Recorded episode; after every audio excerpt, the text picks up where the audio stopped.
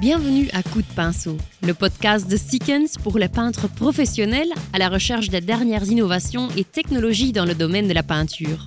Écoutez des discussions avec des collègues peintres et des experts du secteur qui partagent leur savoir-faire et des histoires captivantes. Découvrez les produits les plus récents et les technologies avant-gardistes et apprenez comment tirer le meilleur parti de nos peintures pour tous vos projets. Car chaque chantier est unique et chaque surface mérite la bonne couche.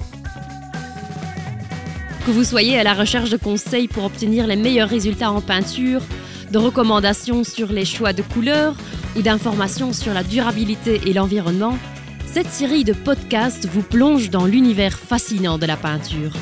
En tant que professionnel, vous souhaitez naturellement le meilleur pour vos clients.